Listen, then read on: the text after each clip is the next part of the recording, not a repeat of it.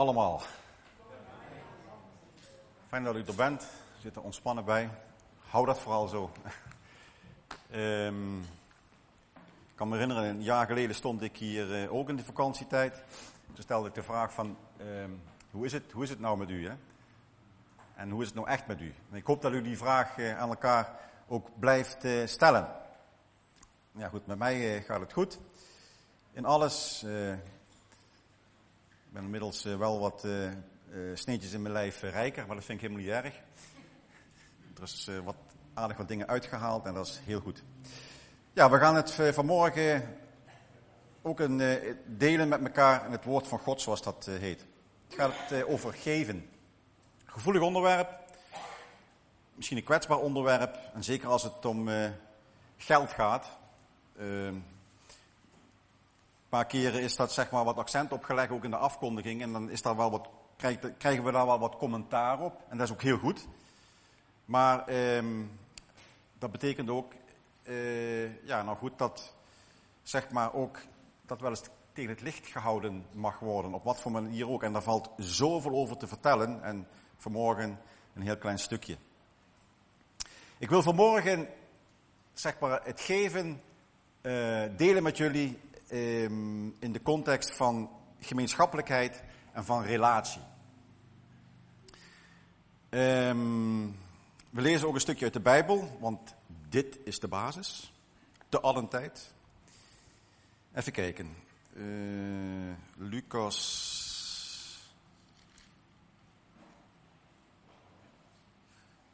Lucas 15.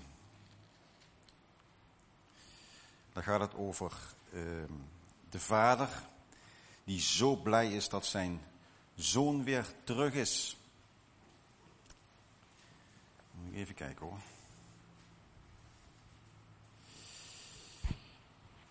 Dat is vanaf uh, ja, vers 28. Toen werd de oudste zoon kwaad. Hij wilde niet naar binnen gaan. En zijn vader kwam naar hem toe en zei: Ga toch mee naar binnen. Maar de zoon antwoordde: ik werk nu al heel veel jaren van u, voor u en ik heb altijd gedaan wat u van mij vroeg. En toch hebt u voor mij nooit een dier laten slachten. Niet eens een geitje om een feest te vieren met mijn vrienden. Maar nu komt uw zoon, dat is dus zijn broer, van u thuis en voor hem slacht u het vetgemeste, het meest vetste kalf terwijl hij uw geld heeft uitgegeven aan de hoeren. En dat is de essentie van vanmorgen. Toen zei de vader, lieve jongen, jou heb ik altijd bij me. En alles wat van mij is, is van jou. Zo, ga er maar aan staan. In het paradijs was uh, er een basis van gemeenschappelijkheid en van relatie. Uh, een relatie van gemeen goed. En het enige voorschrift wat gold uh, in het paradijs, blijf met je vingers van die boom af. In het paradijs was er geen geld, er waren geen seizoenen, geen tiende van de oogst of van de opbrengst, geen vrijwillige gaven, er was geen collecte. Geen concurrentie. Geen jaloezie. Ja, er waren ook geen barendsweeën. En dat is een hele interessante, maar daar ga ik niet over uitweiden. Want dat kwam daarna. Kortom, het paradijs was een oord van relatie en van gemeenschappelijkheid. Geniet van het leven, zou je dan zeggen. In de goede zin van het woord. En de basis was liefde. In een dimensie welke je eigenlijk niet kunt voorstellen. Dan mag je ook je fantasie bij laten werken, want dat weten wij ook niet allemaal. En dan mag je je eigen voorstelling van maken. Maar feit is wel dat het zo was. Dus de zuivere, pure relatie van, ja, van alles gemeenschappelijk hebben. En waar je in je met, uh, ja, met je mede-compagnon mag wandelen. En waarin God geniet van, uh, ja, van alles wat er is. Vorige week haalde ik even in het kort aan bij die afkondiging dat er een gigantische kink in de kabel kwam. Wat rigoureus, helemaal heel hard, ehm, die relatie en die gemeenschappelijkheid verbracht. Plotseling was de weg verbroken. Want ze had toch iets gedaan wat echt verboden was. De weg werd geblokkeerd en er was geen weg terug. Blokkade, stop, geen doorgang. En dan sta je dan hè, in je paradijs of in het paradijs. En dan moet je eruit. Moet je je voorstellen. Dat je iets hebt wat alle dimensies te boven gaat. Waarin je zeg maar woont en wandelt in een pure relatie. En dat is plotseling afgelopen, dat verdwijnt. Ja, kun je geen voorstelling van maken, maar dat is wel de realiteit. En dan praten we ook even over ons, hè, de mens. Zwoegen, schaamte, ellende, concurrentie, bedrog, relatiebreuk, corruptie, geen gemeenschappelijkheid, geen relatie. Het was over en uit, het was passé. Gesloten was het paradijs. En zoek het, hè, in, hè, zoek, zoek het maar uit. Het oord van liefde was voorbij. En dat was ook het begin van de ja, tragiek van de menselijke geschiedenis. De menselijke geschiedenis zonder relatie en gemeenschap met God begint, vangt aan. Een doodlopende weg wordt ontstaan. Relatie verbroken. Er moet voortaan zelf gezaaid worden. En maar hopen dat de oogst wat opbrengt. Kans op honger, in de breedste zin van het woord, naar geest, ziel en lichaam. Ieder voor zich en uiteindelijk volk tegen volk. Tragisch. En God? Ik denk dat God huilde. Want God was zijn maatjes kwijt, om het zomaar eens te zeggen. En God kon niet helpen. Want God is een rechtvaardig God. En de mens had het koord, de mens zelf had het koord verbroken. Het snoer was verbroken. De verbinding was er niet meer. En dan ontstaat de worsteling. Met name van God. Hoe kan ik de relatie en de gemeenschap met mijn kroonjuwelen, om het zo te zeggen, met mijn parel, de mens, herstellen? Want God wil dat. God wil maar één ding. En God wil herstellen.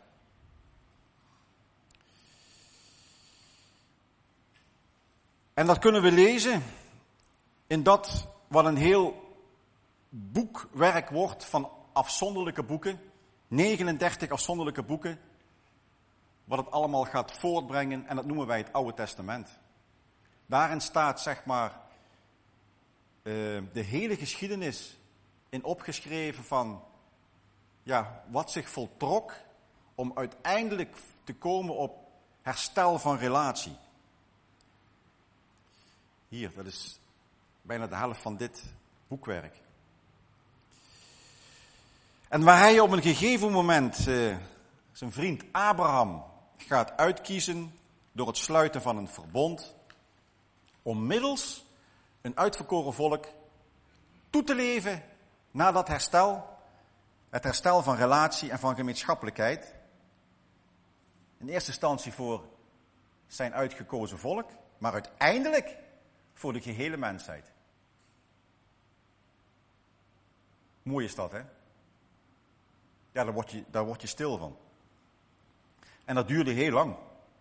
Dat duurde een hele tijdsperiode. Um, ja, waarin God, zeg maar, zijn um, moeite deed om te komen tot herstel. Middels rechters, middels profeten, middels koningen, middels hoge priesters, priesters, bemiddelaars. Allemaal door God ingesteld. Met één doel. Ik wil terug naar mijn parel. Ik wil terug naar de mens. Drama's van pogingen tot herstel. In de vorm van voorschriften, wetten, offers, geboden, tempeldienst, apart priestervolk, hoge priesters en zelfs verbanning. En toch een blijvende breuk. En er heeft heel, heel, heel veel offerbloed gevloeid.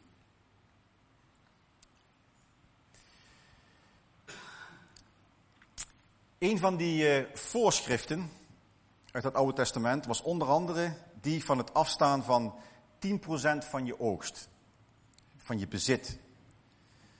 Wat je voor God en zijn priesters, die onder andere moesten eten, uh, moest afstaan. En dat allemaal in de context uh, om de relatie en de gemeenschappelijkheid zoals, we, uh, zoals het in het begin was, hè, met Adam en Eva, te herstellen. Wat een dramatiek. Want de mens kwam toch niet tot een echte relatie in die tijd. Want dat ging niet. God is rechtvaardig God. En de lijn was verbroken. En er waren wel allerhand voorschriften ingesteld. En uh, offers waren er, zeg maar, voorgeschreven. Maar uiteindelijk moest de mens telkens weer terugkomen. Elk jaar weer. Telkens weer terugkomen voor, ja, om dat herstel, zeg maar, een soort vernieuwing uh, aan te laten gaan.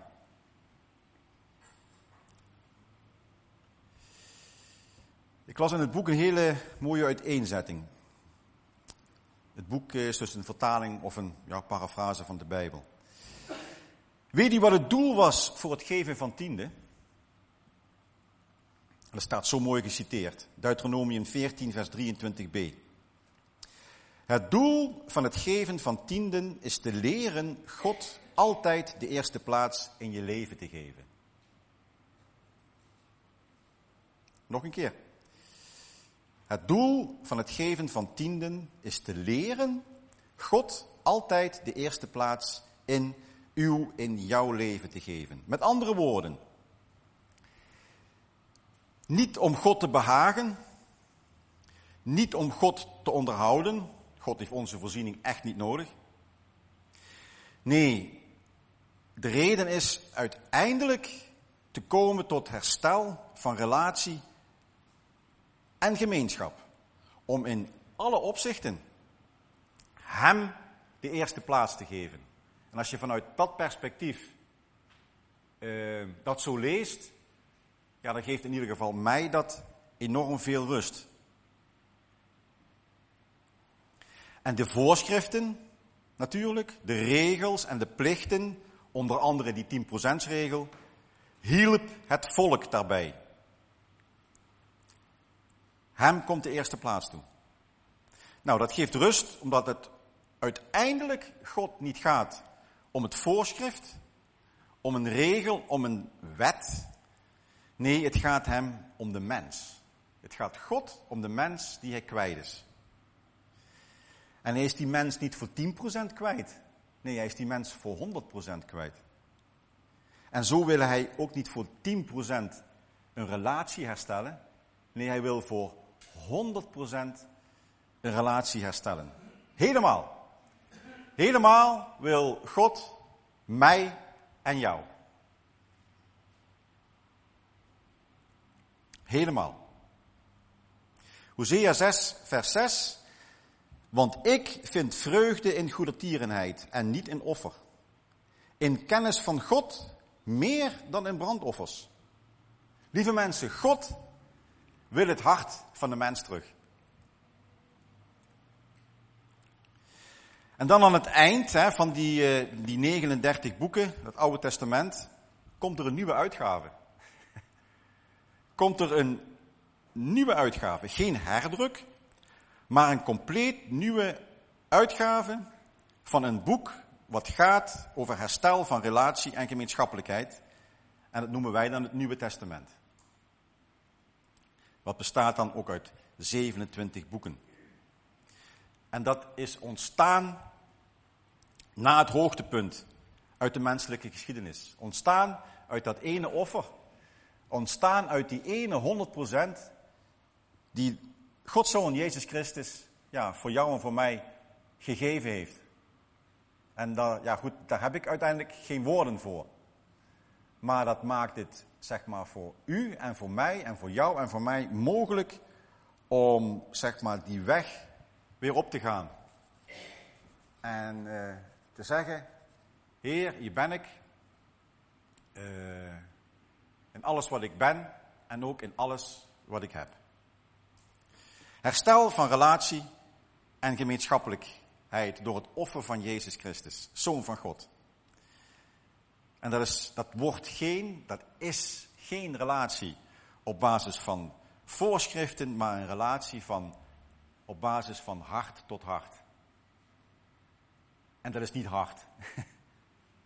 Dat, is, uh, ja, dat geeft een heel andere, uh, dat geeft, die voorwaarden liggen heel anders als die tijd van het Oude Testament. Want de voorwaarden daarvoor, ja, dat heeft Jezus voor mij bewerkstelligd. Hij heeft dat mogelijk gemaakt.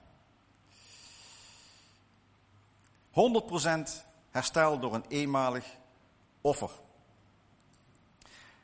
En nu mag en kan ik, u, jij delen in alles wat ik heb, wat we hebben. Onder andere ook in mijn geld en mijn zogenaamde bezit. En dan raken we een gevoelig punt. Want we zijn en blijven toch ook mensen, hè?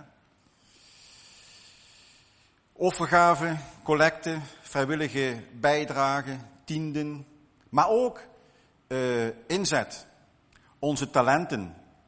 Uh, eigenlijk in alles, ook in je werk, wat je als het ware voor de Heeren doet. Alles doe je in relatie. Hè? Dat moet de basis zijn. Ik zeg het, hè? de basis zijn ja, voor ons uh, ja, nieuwe leven. Ik noem het gewoon het nieuwe leven. Alles is van Hem, alles is door Hem. Lastig is dat. Probeer het wat te illustreren. Als je een echte relatie met elkaar hebt, ja, uh, dan heb je alles ook gemeenschappelijk. Dat is mijn stelling.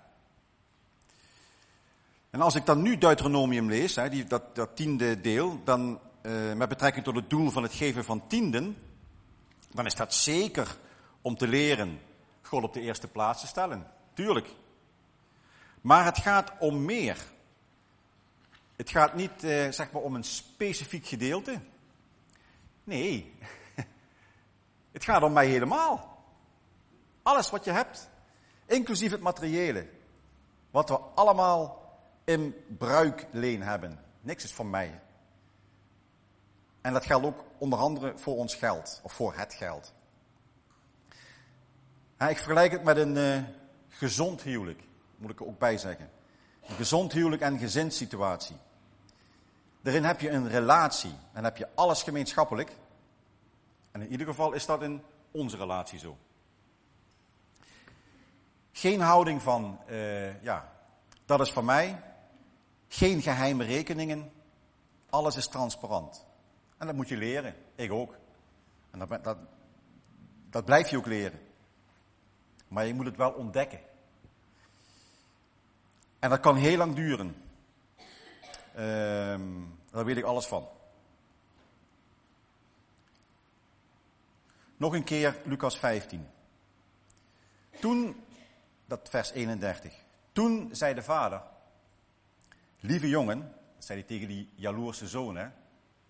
Hij, hij, blijft, hem, hij blijft gewoon, ja, het ware van hem houden. Lieve jongen, jou heb ik altijd bij me. En alles wat van mij is, is van jou. Wat zeur je nou? Ja, maar hij komt thuis en ja, goed, menselijk, menselijkerwijs kun je dat voorstellen.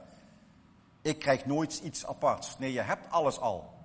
En hoe realiseer ik me dat? Tuurlijk, dat lastig. Maar um, dit, dit, zegt, dit zegt wel heel veel.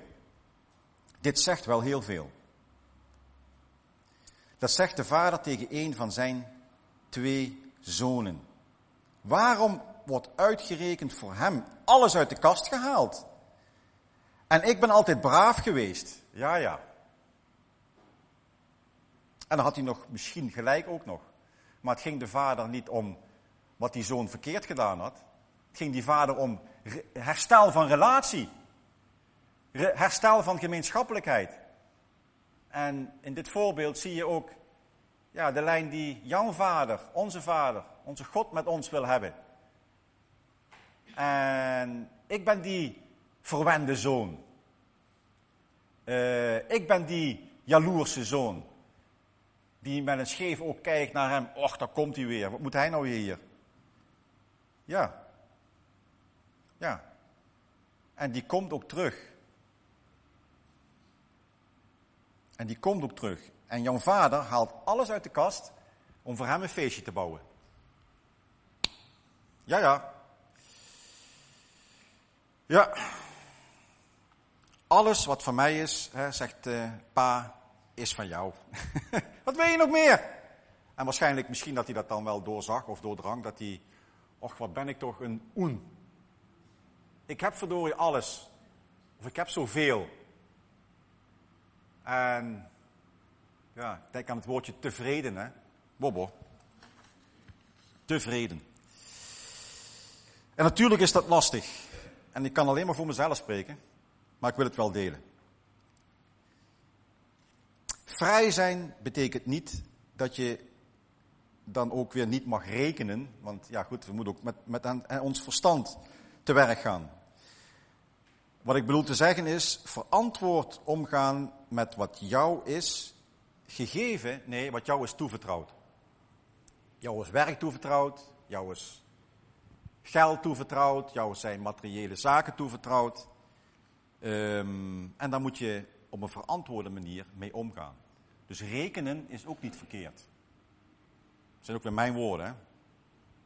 Maar ik denk wel dat het zo is. Met verstand omgaan.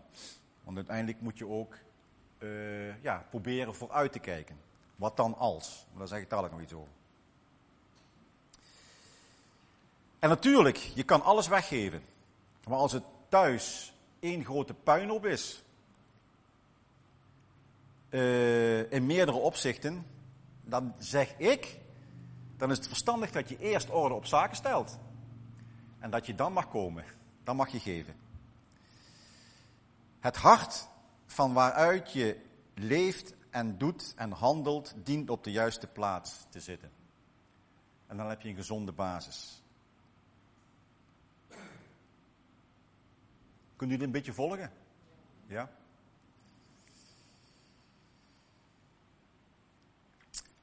Um, toen ik werkeloos werd, uh, was het eerste wat ik deed, was rekenen. Hoe moet dat? Hoe moet dat gaan? Hoe komen we rond? Wat als die WW-periode voorbij is? Nou ja, goed. Ik ben ook maar een mens. En dat zijn we allemaal. Um, want zoiets overkomt je. En ik denk dat met mij mensen daar ook over kunnen praten. Of kunnen delen. Zo heeft ieder zijn verhaal. Nou, inmiddels zijn we alweer vijf jaar verder. Waar blijft de tijd? Um, en we hebben weer een uh, autootje. Um, ik heb uh, weer een baan. En ik uh, ja, mag en kan weer delen in gemeenschappelijkheid. En ja, we are so happy. ja. En ik durf zelfs weer een busje met korte mouwen aan te trekken. Yes, dat heb ik alles gedeeld. Uh, dus ook weer in meerderlei opzichten vrijheid. En ik uh, ben ook dankbaar dat we ooit, langere tijd geleden, toch wat voorzieningen hebben getroffen om ja, te voorzien op, uit te zien op andere tijden. En ook dat is verstandig, hè, om mogelijkerwijs wat dingen aan de kant te zetten als je dat kan. En ja, denk erover na, vooral ook jonge mensen. Als je jong bent, denk je niet aan hoe moet dat gaan als je ouder bent. Hè, maar goed, daar zeggen we om een andere keer wel iets wat dingen van, want er valt zoveel over te delen. Um, maar er zijn ook andere stories, andere verhalen. Ik belicht het vanuit mijn beleving. Er is een hoop ellende ook. Als het gaat om uh, werk, als het gaat om relatie. Als het gaat om uh, gemeenschappelijkheid. Als het gaat om liefde. Als het gaat om eenzaamheid, dat weet ik. Dat weet ik. Maar ik, toch zeg ik van, hoe ga je ermee om? Ik wil je dat gewoon onder je hart steken. Hoe ga je ermee om? Uh, op financieel vlak, op relatievlak. Uh, en ook een feit is, een feit is ook, iedereen gaat op zijn tijd ergens doorheen. Ook dat is een feit. En ja, waarom dat is? Ja, waarschijnlijk om te leren. Of uh, ja, om te onderscheiden. Maar ik heb mijn verhaal en u heeft uw verhaal. Ja, geld. Hè? Een beetje daarover zeggen. Geld is een heel raar goed. Wist je dat geld een macht was? Geld is een macht. Hè? En geld en geldzucht. Geldzucht is de wortel van, vul het maar in, puntje, puntje, puntje, puntje. Geld heeft negatieve aspecten. En geld heeft ook uh, positieve aspecten. Um, wat citaten. Die zijn niet van mezelf, maar van anderen. Ik heb ook wel wat op literatuur op nageslagen. Het geld heeft zich in de moderne maatschappij de rol toegeëigend die de Heilige Geest moet hebben in de kerk. Dat is de macht die geld heeft. En als je erover nadenkt, dan is dat ook zo. Want, ja, goed, we doen allemaal mee in zeg maar, dat maatschappelijke deel. En natuurlijk, maar wat is mijn houding daarin? Maar uiteindelijk gaat het maar om één zaak, en dat is om het gewin. Van degene die zeg maar, de zaken beheert. En als je alle verhalen hè, dan hoort van hè, corruptie en van. Maar goed, kijk naar jezelf. Ja. Geld heeft negatieve aspecten, geld heeft positieve aspecten. Zoiets zou je ook over bijvoorbeeld seks kunnen zeggen. Maar dat is een heel ander onderwerp, maar dat is ook zo'n macht die, um, ja, zeg maar, de mens in grief heeft op een ja, ongezonde manier. Luther merkte eens op, er zijn drie bekeringen nodig. De bekering van het hart, de bekering van het verstand en de bekering van de beurs. Ja, dat, ook dat zeg ik niet zelf, maar dat zegt Luther. En ik denk, eh, daar heeft hij een punt. Blij, blief van mijn geld. En als we ja, eerlijk zijn, dan klopt dat ook wel. Hè? Uitzonderingen natuurlijk daar gelaten. Weet u, lieve mensen, Jezus, hè? Jezus sprak heel veel over geld. Uh, hij sprak zelfs meer over geld dan over menig ander onderwerp. We hebben net de, de, de collecte gehad, of de offerande gehad. Als Jezus hier was geweest, hè, als voorbeeldje laat ik net aan, hè, dan ging die hier zitten zo. zo, en dan had hij hier een hele grote bak, kon je alles zien. Nou, we gaan nu de offeranden doen. Uh, ja, ik, ik, kom niet langs, maar kom naar voren, want ik wil gewoon zien wat je geeft. Dat was Jezus. Ja, dat was natuurlijk wel wat, uh, dat, dat denk ik dat dat heel heftig was. Maar dat is Jezus. That's Jesus.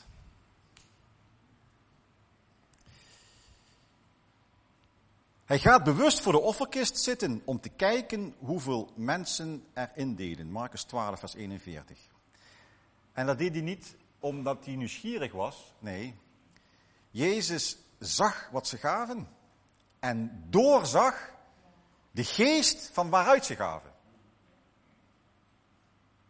Dus het ging Jezus niet om het feit van dat je daar uh, eh, 20 euro in gooit, of 1 euro, of eh, 2 eurocent. Nee. Hij doorzag de geest van waaruit zij gaven. Boah. Wat een dimensie is dat, hè? dus het gaat niet om hoeveelheden, het gaat niet om procenten. Het gaat niet om eh, moeten. Het gaat om het mogen en het kunnen. Dat je mag delen. Relatie, gemeenschappelijkheid. En als we het dan over, hè, over tienden hebben, waar ik niet zoveel over kwijt wil nu, maar dan legt dat pennenske van die weduwe mij totaal het zwijgen op. Daar heb ik gewoon niks meer te zeggen. Want dan loopt dat mank. Want deze vrouw, die gaf alles wat ze gaf. Dat was haar bezit. jongen, jongen, jongen, jongen. Lieve mensen, Jezus kijkt mee. Nogmaals, en dan gaat het niet om hoeveelheid. Dan gaat het ook niet om genoegdoening. Om het sussen van je geweten. Laat ik maar geven, laat ik maar wat overmaken. Uh, en dat werkt ook allemaal mee, want dan, ja, dan geeft het ook weer wat rust van binnen. Tuurlijk. Maar in feite, het gaat niet om het sussen van je geweten. Het gaat ook niet om regels. Het gaat ook niet om voorschrift. Het gaat om je hart. En daar is één woord, staat daarnaast, dat is liefde. Liefde is basic, liefde is basis. Dat is ook weer relatie. Relatie die jij met hem hebt. 2 Korinthe 9, vers 7. En ieder doe, nadat hij zich in zijn hart heeft voorgenomen, niet met tegenzin of gedwongen, want God heeft de blijmoedige gever lief. Wow. Vind ik zo mooi, hè? Wat geeft dat een rust, zeg? Wat geeft dat een rust? Vrij zijn is dat. Geen juk. Dan ben je vrij. Niet gedwongen. Boah. En dan zul je zien, als dat vanuit dat motief gebeurt, dan, eh, ja, mag ik het zo zeggen, dan levert dat ook de opbrengst op. In de brede context. Opbrengst, zeg het maar in geld, maar ook opbrengst uh, in ja, gemeente zijn. Opbrengst in met elkaar omgaan. Opbrengst in ja, gemeenschappelijkheid. De twee zijden van het geld, de donkere kant en de heldere kant. Of het geld heeft jou in de macht. Of het geld staat onder de autoriteit van Jezus in jou. Nou, en dat moeten wij grijpen. Mag je, mag je aannemen. Neem het maar aan. Onder de autoriteit van Jezus in jou. Lieve mensen, God is eigenaar. Te allen tijd. En die eigenaar mag ook weer ontvangen. De gever ontvangt. God heeft alles gegeven. Alles, alles, alles. En wij mogen wat dat betreft delen en teruggeven. Um, in de, ook weer in de brede zin van het woord. God voorziet niet alleen in alle dingen, hij is ook eigenaar van alle dingen. En over dat laatste laat de Bijbel geen enkele twijfel bestaan. God zegt bijvoorbeeld tegen Job, wat onder de ganse hemel is, behoort mij toe. Alles is van mij. Tegen Mozes zegt God, heel de aarde is van mij. Ja, goed. Alles is van hem. En wij mogen daarin delen. Zijn parels, zijn juwelen, de mens. Ja, wij mensen. Wij mensen hè, zijn doordrenkt van ons eigendomsrecht. Is mij. Is mijn auto. Is mijn huis. My job. En niemand mag binnen dat domein inbreuk, inbreuk doen. En dat is ook heel delicaat, want dat is privé, tuurlijk. Ja, maar goed, toch wel een beetje onze aangeboren zelfzucht. En van daaruit moet ik leren, moeten wij leren, dat God eigenaar is van alles.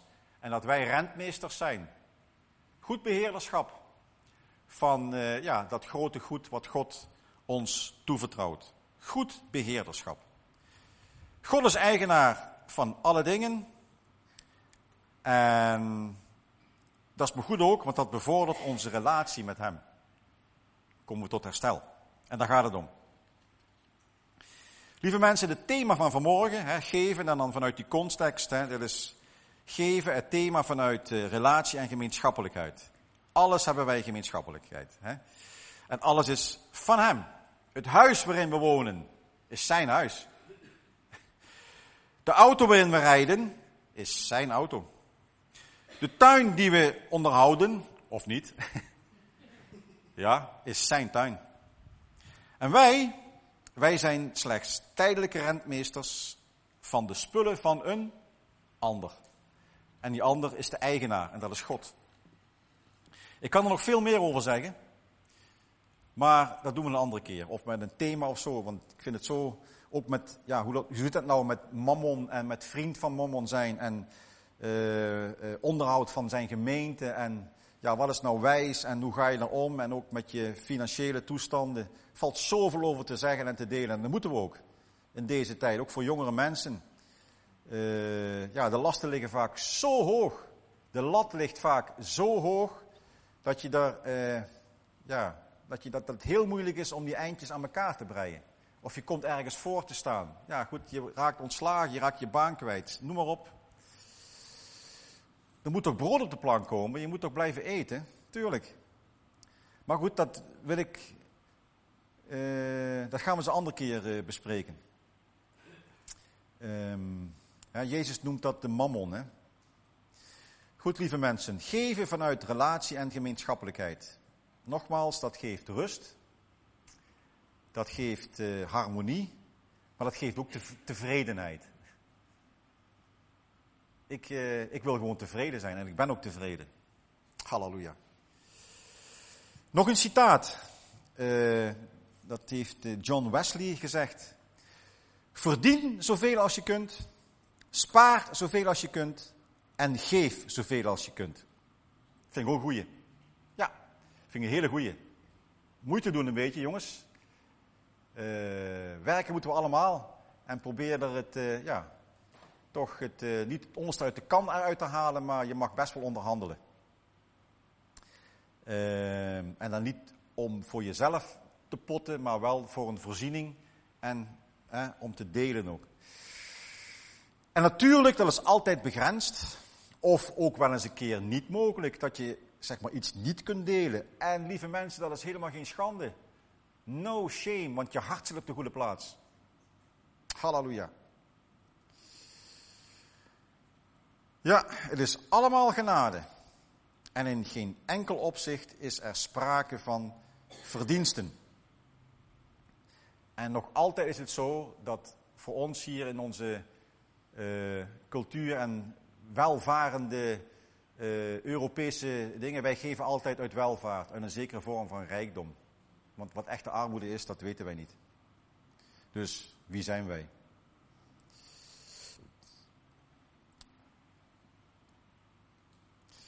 Nog een uh, tekst en dan sluit ik uh, af. Efeze. Door zijn genade bent u nu immers gered. Dankzij uw geloof. Maar dat dankt u niet aan uzelf. Het is een geschenk van God. En geen gevolg van uw daden. Dus niemand kan zich erop laten voorstaan. Kijk eens wat ik doe, kijk eens hoeveel ik geef. Kijk eens wat ik, uh, ja, hè, enzovoort, enzovoort, enzovoort. Het is uh, allemaal genade. Halleluja. Halleluja. Ik las uh, van de week op Facebook van Danielle, ja ze is er niet. Maar die had een schildje daar staan. Je bent rijk als je tevreden bent met wat je hebt. ja, basic. investeer ook in heldere zaken. En mm, dan sluit ik af. Nog op een schildje, dat is bij onze buren. bij William Richard hangt zo'n dingetje op. Dat zag ik toevallig van de week. Daar staat: Live simply, laugh often and love deeply. Leef vanuit eenvoud. Lach veel. En heb intens lief. Nou, wat wil je nog meer? Geloof, hoop en liefde. Hè? En dat laatste is die liefde. En die springt eruit. Nou, en dat is de, zeg maar, ja, een mooie slogan om mee te besluiten. En dat we Rijn, God nog een offer kunnen geven. Maar dan met de handen omhoog, hè. Dat is wat we mogen doen, hè. Lofoffers geven. Zullen we dat doen? God zegene jullie.